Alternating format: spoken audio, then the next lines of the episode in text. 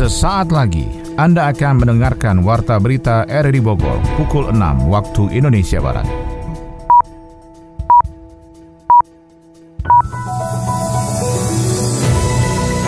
Selamat pagi, salam jumpa. Kami hadir kembali dalam Warta Berita edisi hari ini, Rabu 20 Desember 2023. Siaran kami bisa Anda dengarkan melalui audio streaming RRI Digital pada perangkat Android Anda dan bisa Anda dengarkan juga di audio on demand di Spotify, Anchor, Portal, dan Google Podcast. Berita utama pagi ini adalah Presiden Joko Widodo resmi mengoperasikan kembali ruas jalan jembatan Otista Kota Bogor setelah 8 bulan direvitalisasi.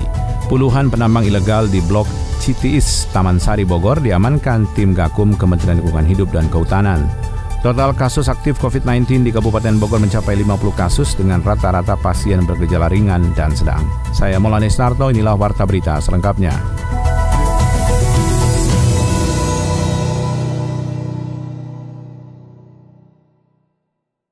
Presiden Jokowi selasa pagi meresmikan dioperasikannya kembali ruas jalan Jembatan Otista Bogor setelah ditutup selama 8 bulan untuk direvitalisasi.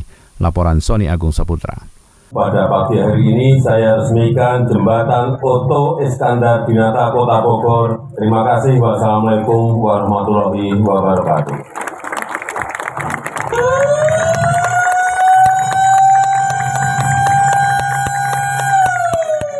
Proses pembangunan jembatan Otista Kota Bogor telah selesai ditandai dengan peresmian oleh Presiden Joko Widodo selasa pagi. Dalam agenda tersebut, Presiden secara langsung meresmikan dan membuka kembali jalur sistem satu arah lingkar Istana Kebun Raya Bogor yang selama pembangunan jembatan Otista menjadi dua arah. Wali Kota Bogor Bima Arya mengatakan pembangunan jembatan Otista ini bukanlah sesuatu yang mudah karena memerlukan spesifikasi khusus karena infrastruktur ini sudah ada sejak tahun 1920. Untuk itu pembangunan jembatan Otista yang bersumber dari APBD Provinsi Jawa Barat yang menelan anggaran 49 miliar rupiah menjadi lebih efektif setelah melakukan penyelesaian. Dengan adanya pembukaan jembatan Otista maka titik-titik keterhambatan di SSA pada ruas tersebut menjadi terhindari dan memaksimalkan arus lalu lintas yang menjadi akses masyarakat beraktivitas. Perjalanan yang tidak mudah Bapak Presiden karena warga harus cukup bersabar bukan saja bersabar karena kemacetan yang timbulkan akibat pengaturan lalu lintas, tetapi juga berkurangnya pendapatan warga. Jadi izinkan pada kesempatan kali ini pemerintah kota menyampaikan terima kasih kepada seluruh warga atas kesabarannya. Mudah-mudahan lancarnya jembatan ini membukakan rezeki yang lebih luas lagi bagi seluruh warga. Yang kedua, izinkan secara khusus Bapak Presiden kami menyampaikan apresiasi kepada Bapak Kapolres, Bismo, kepada Pak Dandim dan jajaran Forkopimda. Tidak mungkin tanpa kolaborasi jembatan ini bisa selesai. Pengaturan lalu lintasnya luar biasa, bagaimana kita memanage trafficnya luar biasa. Jadi izinkan kami mengapresiasi kerja keras Pak Kapolres, Pak Dandim, Pak Dandim dan semua sehingga bisa tuntas. Sementara itu Presiden Republik Indonesia Joko Widodo menyambut baik adanya pembukaan jembatan Otista agar masyarakat bisa kembali beraktivitas dengan lancar. Sebelum adanya pelebaran jembatan Otista memang terjadi ketersendatan dan kepadatan di SSA sehingga pemerintah melakukan upaya upaya agar bisa membuat infrastruktur bermanfaat untuk rakyat. Bahwa, bahwa jembatan ini, jembatan Bethesda ini jembatan yang salah satu menjadi problem di kota Bogor karena tak lebar menyempit di jembatan ini sehingga uh, jembatan ini dilebarkan dan kalau kita lihat sekarang sudah saja lebih dari cukup. Tujuh bulan itu menghabiskan uh, 50-an tetap tetap dijaga. Tadi saya ke bawah juga melihat bahwa apa itu konstruksi lengkung itu tetap tidak dihilangkan. Nanti aja ke bawah. Ciri khas jembatan Otista yang sudah ada sejak tahun 1920 dengan adanya lengkungan pada badan bawah jembatan tetap dipertahankan sebagai warisan untuk generasi mendatang. Warga Bogor mengaku senang dengan telah dibukanya kembali jembatan otista dan sistem satu arah yang kembali diberlakukan di kawasan tersebut. Kembali Sony Agung Saputra melaporkan. Warga Bogor dan sekitarnya mengucapkan terima kasih kepada pemerintah pusat hingga daerah yang sudah menyelesaikan jembatan Oto Iskandar Dinata, Otista sebagai bagian sistem satu arah lingkar Istana Kebun Raya Bogor. Selama proses pengerjaan jembatan Otista tersebut, masyarakat harus mengalami ketersendatan arus karena diberlakukan dua arah sehingga kepadatan kendaraan terjadi di sejumlah ruas seperti Jalan Juanda, Jalan Jalak Harupat, dan Pajajaran. Salah seorang warga Bogor yang juga pengemudi ojek online Arifin mengaku senang dengan telah kembali berfungsinya jembatan Otista dan SSA kembali berlaku di kawasan tersebut. Sistem argo perjalanan kembali normal, sehingga jarak angkut pengemudi juga lebih dekat dan tidak menghabiskan waktu dan bahan bakar bensin. Dari bekal lumayan Pak, argonya jadi normal lagi Pak. Seneng Pak, mau muter-muter jauh Pak. Sementara itu, Kepala Dinas Perhubungan Kota Bogor, Marse Saputra mengungkapkan setelah kembali berlakunya sistem satu arah, maka pihaknya mencabut izin trayek sementara dari sejumlah angkutan kota. Semua izin trayek kembali berlaku dengan normal karena sistem satu arah lingkar Istana Kebun Raya Bogor kembali pada rute yang sudah ditentukan sehingga pengemudi angkot harus bisa mengikuti aturan dan petunjuk petugas saat melakukan aktivitas di jalan raya. Ini akan kembali ke posisi trayek awal karena selama uh, berlakunya atau dalam rangka pembangunan jembatan Otista kemarin ada beberapa perubahan trayek atau perubahan arus dari rute dari trayek itu sendiri.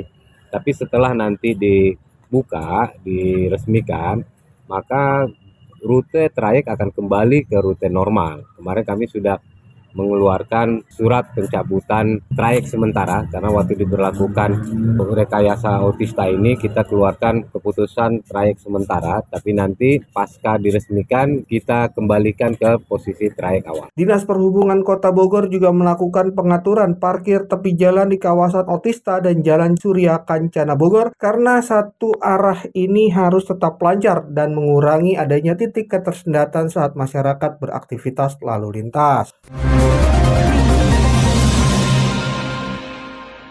Kita beralih ke informasi lain. Sebanyak 33 penambang batu dan pasir ilegal diamankan dan diperiksa tim Gakum Kementerian Lingkungan Hidup dan Kehutanan Jakarta. Puluhan penambang itu diamankan dalam operasi pengamanan kawasan hutan dan galian C ilegal di Blok Citiis, Desa Sukamantri, Kecamatan Taman Sari, Kabupaten Bogor. Berikut laporan Yofri Haryadi. Sebanyak 33 penambang batu dan pasir ilegal diamankan dan diperiksa tim Gakum Kementerian Lingkungan Hidup dan Kehutanan Jakarta dalam operasi pengamanan kawasan hutan dan galian C ilegal di Blok Citiis, Desa Sukamantri, Kecamatan Taman Sari, Kabupaten Bogor. Penertiban dilakukan mendadak oleh polisi hutan wilayah setempat dan lokasi galian dilingkari garis polisi sebagai tanda penutupan aktivitas dan pelarangan masuk ke kawasan untuk melakukan aktivitas galian pada batu dan pasir di kawasan itu. Sekretaris Camat Taman Sari Teguh Sugiharto mengatakan kegiatan dilakukan langsung dari Dirjen Kementerian Lingkungan Hidup dan Kehutanan berdasarkan laporan dan pantauan PPNS Kementerian terkait. Dari Gakum, Dirjen Gakum, Kementerian KLHK, KLHK, udah selesai itu mah. Oh hari Penutupan galian jadi penutupan. Kewenangannya dari KLHK itu maksudnya masuk kawasan hutan Taman Nasional itu. Jadi kita nggak ada kewenangan ke sana menindak. Di itu langsung diambil alih oleh kementerian dari Direktorat Jenderal Penegakan Hukum Ditjen Gakum Kemen KPK ke Taman Nasional. Taman Nasional di Sukamantri.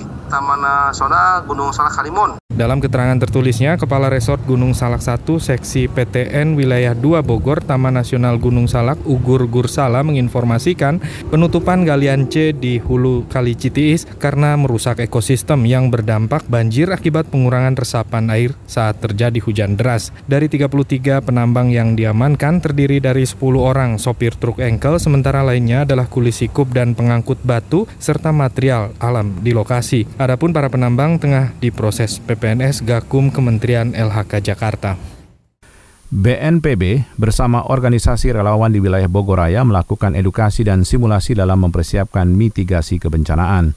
Adi Fajar Nugraha melaporkan. Badan Nasional Penanggulangan Bencana atau BNPB bersama organisasi relawan di wilayah Bogoraya melakukan edukasi dan simulasi dalam mempersiapkan mitigasi kebencanaan. Seperti diketahui beberapa minggu terakhir, wilayah Bogor dan Sukabumi dilanda sejumlah bencana seperti banjir, longsor, angin puting beliung, dan gempa bumi. Aktivis lingkungan dari Penanggulangan Bencana Indonesia, Lukman Aziz mengatakan, tingginya potensi bencana di wilayah Bogor harus menjadi perhatian serius bagi pemerintah daerah dan juga masyarakat, bahwa upaya pencegahan dan penanggulangan bencana tidak dapat sepenuhnya mengandalkan petugas ataupun relawan kebencanaan, tetapi masyarakat sebagai orang yang paling dekat dengan bencana itu sendiri yang juga harus memahami apa yang harus dilakukan untuk meminimalisir resiko bencana.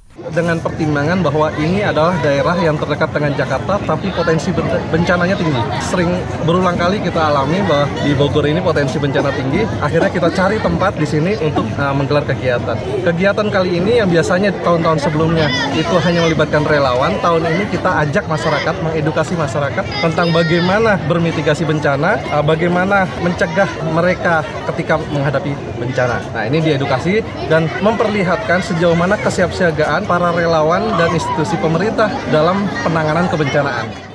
Sementara itu, Direktur Kesiapsiagaan BNPB, Pangarso Suryotomo, mengatakan kehadiran pemerintah dan stakeholder kebencanaan dapat menjadi sarana untuk mengedukasi masyarakat, khususnya relawan dan pelajar terkait bagaimana melakukan penanganan bencana. Tidak hanya mengedukasi terkait penanganan bencana, masyarakat juga harus diberikan pengenalan alat penanganan bencana serta simulasi agar mereka lebih siap dalam menghadapi segala kemungkinan saat terjadi bencana.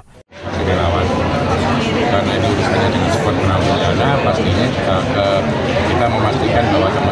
selalu standby terus meningkatkan kapasitas mereka hari ini ada bagian dari meningkatkan kapasitas mereka yang tidak hanya memberikan edukasi tapi mereka juga kita edukasi kepada teman-teman yang relawan yang lain yang lebih mengenal lokasi dan mereka bisa bekerja. Artinya ada persiapan untuk pembentukan posko khusus gitu? Oh Jika tidak, ada terjadi kami sesuatu? hanya uh, mempersiapkan SDM apabila diminta oleh uh, pemerintah daerah. Wilayah Bogor dan Sukabumi merupakan zona merah di Indonesia yang memiliki potensi besar terjadinya bencana. Untuk itu BNPB menyebut benteng penanggulangan bencana yang utama ialah masyarakat itu sendiri dan salah satu peran utama penanggulangan bencana dengan melibatkan masyarakat sebelum bencana terjadi.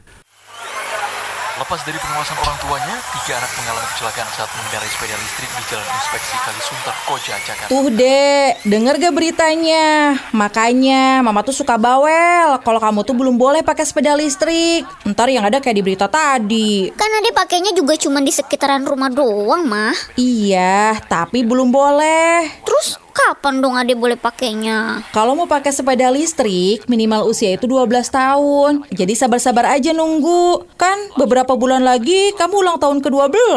Nah, lama. Siapin dulu aja perlengkapannya. Kayak helm tuh. Minta nanti sama papa beliin. Yeay, helm baru. Tapi inget, nanti main sepedanya jangan ke jalan raya ya. Oke. Sering menyewa sepeda listrik bersama teman-teman. Anda tengah mendengarkan Warta Berita RRI Bogor. Dinas Kesehatan Kabupaten Bogor mencatat kecenderungan kenaikan kasus COVID-19 sejak beberapa minggu terakhir dan saat ini total kasus aktif di Kabupaten Bogor mencapai 50 kasus. Kita ikuti laporan Adi Fajar Nugraha. Dinas Kesehatan Kabupaten Bogor melaporkan adanya kecenderungan kasus COVID-19 yang meningkat sejak beberapa minggu terakhir ini. Kepala Bidang Pencegahan dan Pengendalian Penyakit Dinas Kesehatan Kabupaten Bogor Adang Mulyana menyebut per 18 Desember 2023 terjadi penambahan 11 kasus COVID-19 yang terkonfirmasi. Angka itu memang tidak setinggi saat pandemi, namun meningkat jika dibandingkan dengan beberapa bulan ke belakang yang angkanya hanya satu atau dua kasus per harinya. Saat ini Adang menyebut total kasus aktif di Kabupaten Bogor mencapai 50 kasus dengan rata-rata pasien bergejala ringan dan sedang. Sementara untuk Kabupaten Bogor sebenarnya memang ada peningkatan uh, kasus juga, walaupun memang tidak terlalu tinggi seperti uh, beberapa tahun yang lalu ya. Kalau per hari kemarin itu satu hari ada 11. Kalau hari biasanya kan kita ada cuma ada satu ada dua, memang per kemarin ada 11 kasus baru. Nah, ini kan karena memang tracing kita juga tidak optimal ya, karena memang sebagian besar mungkin masyarakat belum mau ya untuk diperiksa dulu. Nah itu sebenarnya rata-rata uh, mereka yang bergejala ya, demam, ada pegal-pegal dan lain-lain, dan mereka diperiksa ke Paskes, fasilitas pelayanan kesehatan dan lab. Nah baru ketahuan. Dari hasil pengecekan tim medis, Adang mengatakan mereka yang terkonfirmasi mayoritas sudah melakukan vaksinasi, namun belum semua sampai dosis booster. Saat ini petugas dari Dinas Kesehatan maupun Puskesmas tengah melakukan pengawasan terhadap pasien yang terpapar COVID-19, baik di rumah yang melakukan isolasi mandiri maupun yang dirawat di rumah sakit. Nah kalau dilihat dari status vaksin, sebenarnya sebagian sih ada juga yang pernah divaksin ya. Karena sudah divaksin walaupun memang nggak tidak sampai booster. Lonjakan kasus COVID-19 di Indonesia sudah dimulai sejak akhir November lalu. Kasus mingguan yang tadinya hanya 30 hingga 40 naik menjadi 267 pasien pada periode 28 November hingga awal Desember 2023. Peningkatan kasus COVID-19 dibarengi dengan kenaikan jumlah tes. Di sisi lain ada dugaan varian baru yang memicu tingkat transmisi atau penularan lebih cepat dan lebih mudah menginfeksi. Masyarakat diimbau untuk tidak khawatir berlebihan dan segera melengkapi dosis vaksinasi booster untuk menekan fatalitas dari paparan COVID-19. Sebanyak 97 warga desa Kalong 2, Kecamatan Lewi Sadeng, Kabupaten Bogor, keracunan massal selesai menyantap hidangan acara tahlilan warga pada Senin malam. Yofri Haryadi melaporkan.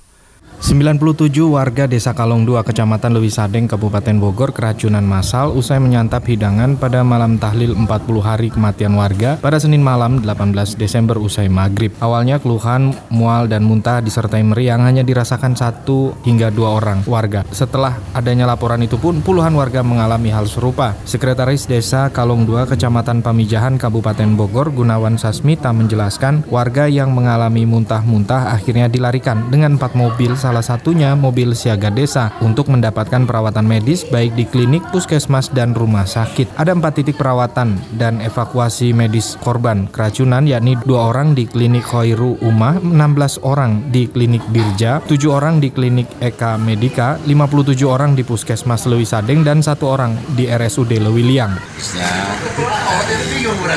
habis syukuran 40 hari yang meninggal kemarin malam kemarin habis maghrib gedung gitu kan syukuran tadi siang baru terasa ada yang mual sampai berak berak pusing. Kan di medika penuh tadi maghrib. Pas penuhnya maghrib tadi yang kena itu semua. Saya ambil tindakan saya bawa ke puskesmas semua. Empat mobil tadi saya bawa ke sini semua.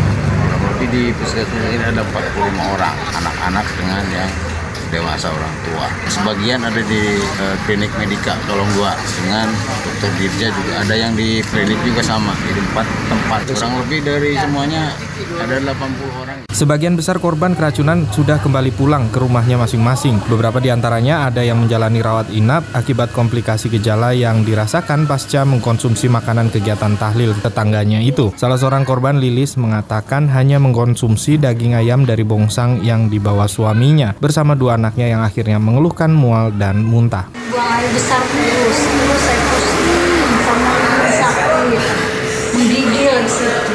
Iya kali soalnya kejadiannya makannya malam, tapi rasanya pagi saya. Rasa itu makan sing bisa. Mau ada mie, mie, terus sama daging, sama nasi. Bina mah gak dimakan, saya makan dagingnya. Sama nasi. Dibilang basi, gimana ya? Emang kayak ikannya, kayak udah gak ada rasanya gitu. Kayak udah betek gitu, gak enak. Tapi saya emang juga lagi lapar ya, makan aja. Saat dikonfirmasi melalui pesan singkat Kepala Puskesmas Lewi Sadeng, Kabupaten Bogor, Dr. Farida Indriawati belum dapat memastikan jenis kandungan zat pada makanan yang dikonsumsi warga. Sebagian sampel makanan dibawa oleh Labskesda Dinas Kesehatan Kabupaten Bogor untuk diteliti. Sepekan menjelang libur Natal dan Tahun Baru, okupansi hotel di Kabupaten Bogor sudah mencapai lebih dari 50 persen. Selain itu, geliat tempat wisata di puncak pun turut naik signifikan. Adi Fajar melaporkan.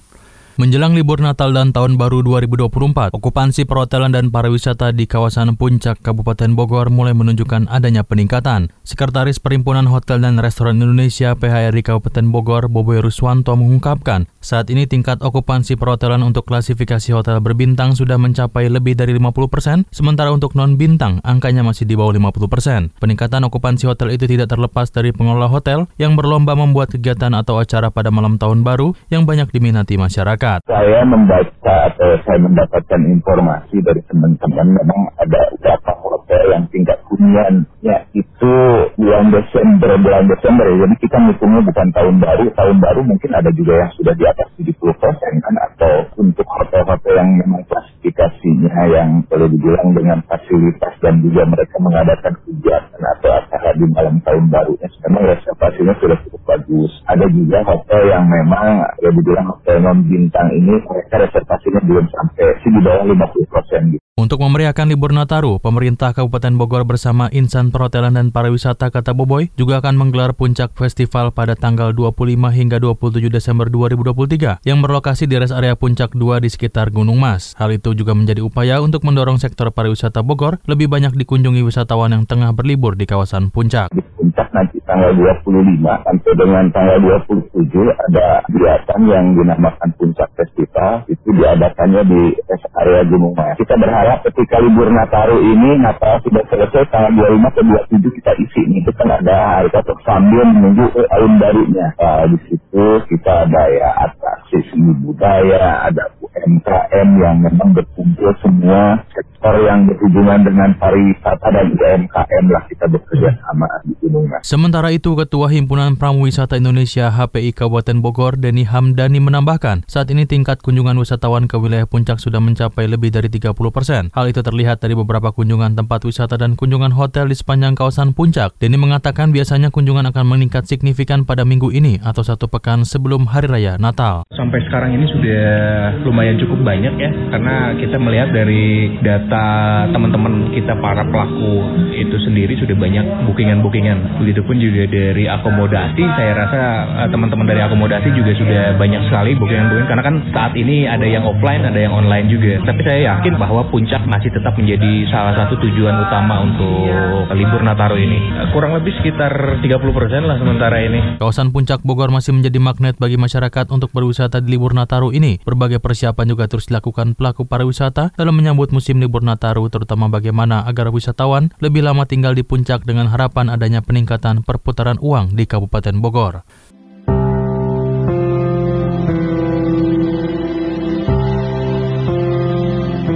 Kampung Budaya Sindang Barat terletak di Desa Pasir Eri, Kecamatan Taman Sari, Kabupaten Bogor.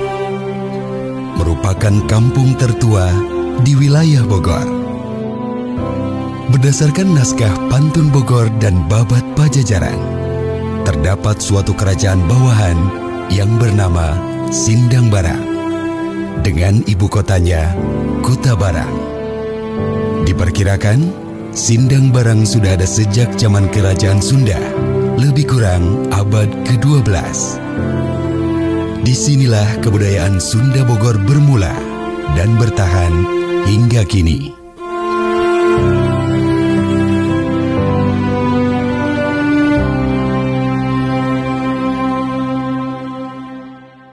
Informasi ekonomi. Utang pemerintah mencetak rekor tertinggi sepanjang sejarah Indonesia, menembus angka 8.000 triliun rupiah hingga 30 November 2023. Pemerintah akan menaikkan tarif cukai hasil tembakau rata-rata 10 persen mulai 1 Januari 2024. Warta ekonomi selengkapnya disampaikan Adi Fajar Nugraha. Ekonom menyoroti total utang pemerintah yang sudah tembus 8.041,01 triliun rupiah hingga 30 November 2023. Jumlah itu mencetak rekor tertinggi sepanjang sejarah Indonesia.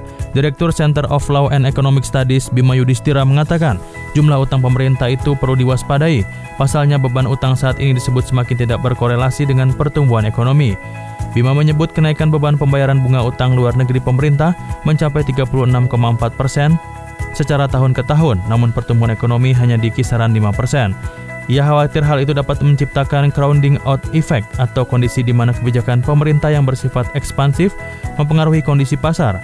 Hal itu yang dapat menekan sektor swasta dan perbankan karena likuiditas menjadi berkurang. Indikator risiko utang lainnya adalah kemampuan bayar utang.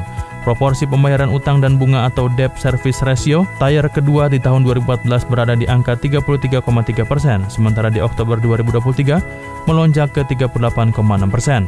Sementara itu, Direktur Eksekutif Center of Reform on Economics Indonesia Muhammad Faisal mengatakan, pertambahan utang Indonesia sejalan dengan pertumbuhan ekonomi, penambahan utang semakin tidak terelakkan sejak pandemi COVID-19.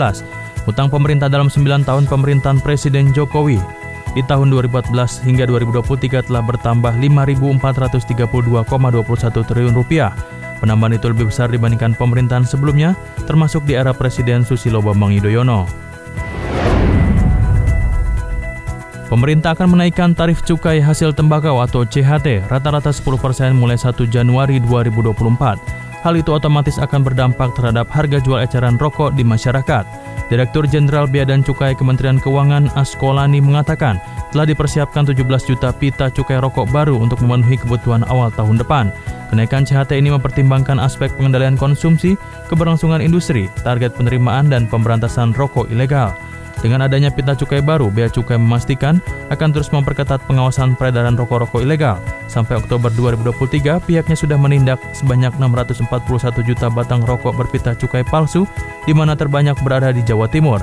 Sebagaimana diketahui, tarif CHT akan kembali naik sebagai implikasi dari kebijakan kenaikan tarif CHT secara tahun jamak atau multi-years 2023-2024. Hal itu diatur dalam Peraturan Menteri Keuangan Nomor 191 Tahun 2022 dan PMK nomor 192 tahun 2022. Tarif CHT berupa sigaret, cerutu, rokok daun atau klobot, dan tembakau iris ditetapkan naik rata-rata sebesar 10% pada 2023 dan 2024. Sedangkan untuk CHT rokok elektrik rata-rata naik sebesar 15%.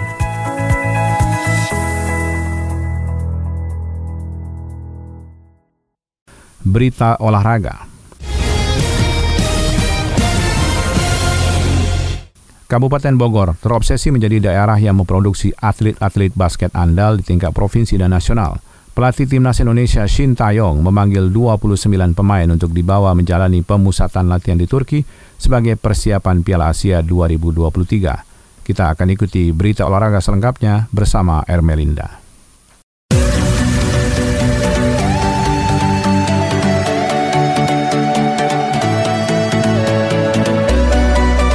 Bupati Bogor Iwan Setiawan ingin Kabupaten Bogor menjadi daerah yang melahirkan banyak atlet basket andal baik di tingkat provinsi maupun nasional. Bupati Bogor Iwan Setiawan mengungkapkan dirinya memiliki obsesi Kabupaten Bogor menjadi daerah yang memproduksi atlet-atlet basket andal di tingkat provinsi. Sehingga menurut Iwan Setiawan cabang olahraga basket di Kabupaten Bogor harus lebih baik lagi ke depan karena segala fasilitas infrastrukturnya sudah ada di Kabupaten Bogor. Hal tersebut dikatakan Iwan Setiawan pada saat membuka kejuaraan Bupati Cup 2023 yang digelar di gelanggang olahraga Gor Laga Tangkas Pakansari Cibinong kemarin. Untuk diketahui Kabupaten Bogor adalah satu-satunya kabupaten di Indonesia yang memiliki pendidikan dan pelatihan olahraga pelajar dan mahasiswa atau PPOPM. Dan untuk cabang olahraga basket ini adalah sebuah peluang. Kejuaraan ini menjadi ajang seleksi untuk mengikuti pelatihan selama tiga tahun. Iwan Setiawan meminta kepada peserta kejuaraan untuk membuktikan kemampuannya bertanding dengan baik dan junjung sportivitas. Bukan itu saja saja, Bupati Iwan juga memberikan apresiasi terhadap kerja keras jajaran pengurus Perbasi Kabupaten Bogor, klub dan pemain yang telah berkontribusi mensukseskan turnamen Bupati Cup 2023. Ia mengajak untuk sama-sama menjadikan Kabupaten Bogor termaju salah satunya di bidang olahraga. Pelatih Timnas Indonesia Sinteyong memanggil 29 pemain untuk dibawa menjalani pemusatan latihan TC di Turki sebagai persiapan Piala Asia 2023 yang akan berlangsung 12 Januari hingga 10 Februari 2024 di Qatar. TC tersebut rencananya dimulai dari tanggal 20 Desember 2023 hingga 6 Januari 2024. Setelah itu tim langsung beranjak menuju Qatar untuk berlaga di Piala Asia 2023 memulai laga dengan melawan Vietnam, Irak, dan Jepang di grup D.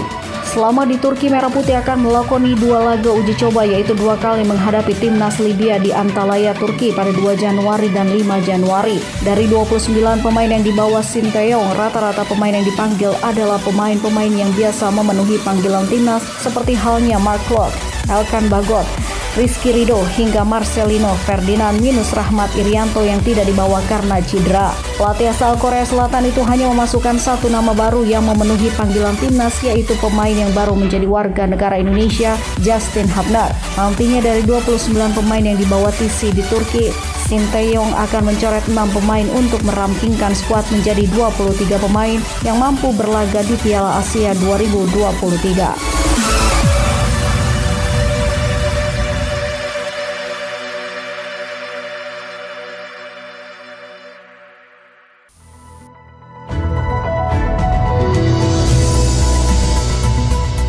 Demikian rangkaian informasi dalam Warta Berita di edisi hari ini. Sebelum berpisah kami sampaikan berita utama.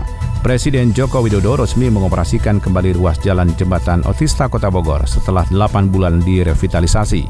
Puluhan penambang ilegal di Blok City Taman Sari, Bogor diamankan tim Gakum Kementerian Lingkungan Hidup dan Kehutanan. Total kasus aktif COVID-19 di Kabupaten Bogor mencapai 50 kasus dengan rata-rata pasien bergejala ringan dan sedang. Siaran kami bisa Anda dengarkan melalui audio streaming RRI Digital pada perangkat Android Anda dan bisa Anda dengarkan juga di audio on demand di Spotify, Anchor, Portal, dan Google Podcast. Saya Maulana Isnarto, mewakili kerabat kerja yang bertugas hari ini mengucapkan terima kasih atas perhatian Anda.